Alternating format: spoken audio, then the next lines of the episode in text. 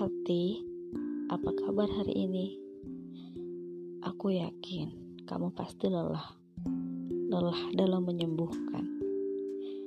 Tapi percayalah, akan ada obat yang akan kutemui nantinya, sehingga bukan hanya menyembuhkan lukamu, tapi menghilangkan bekas lukamu juga.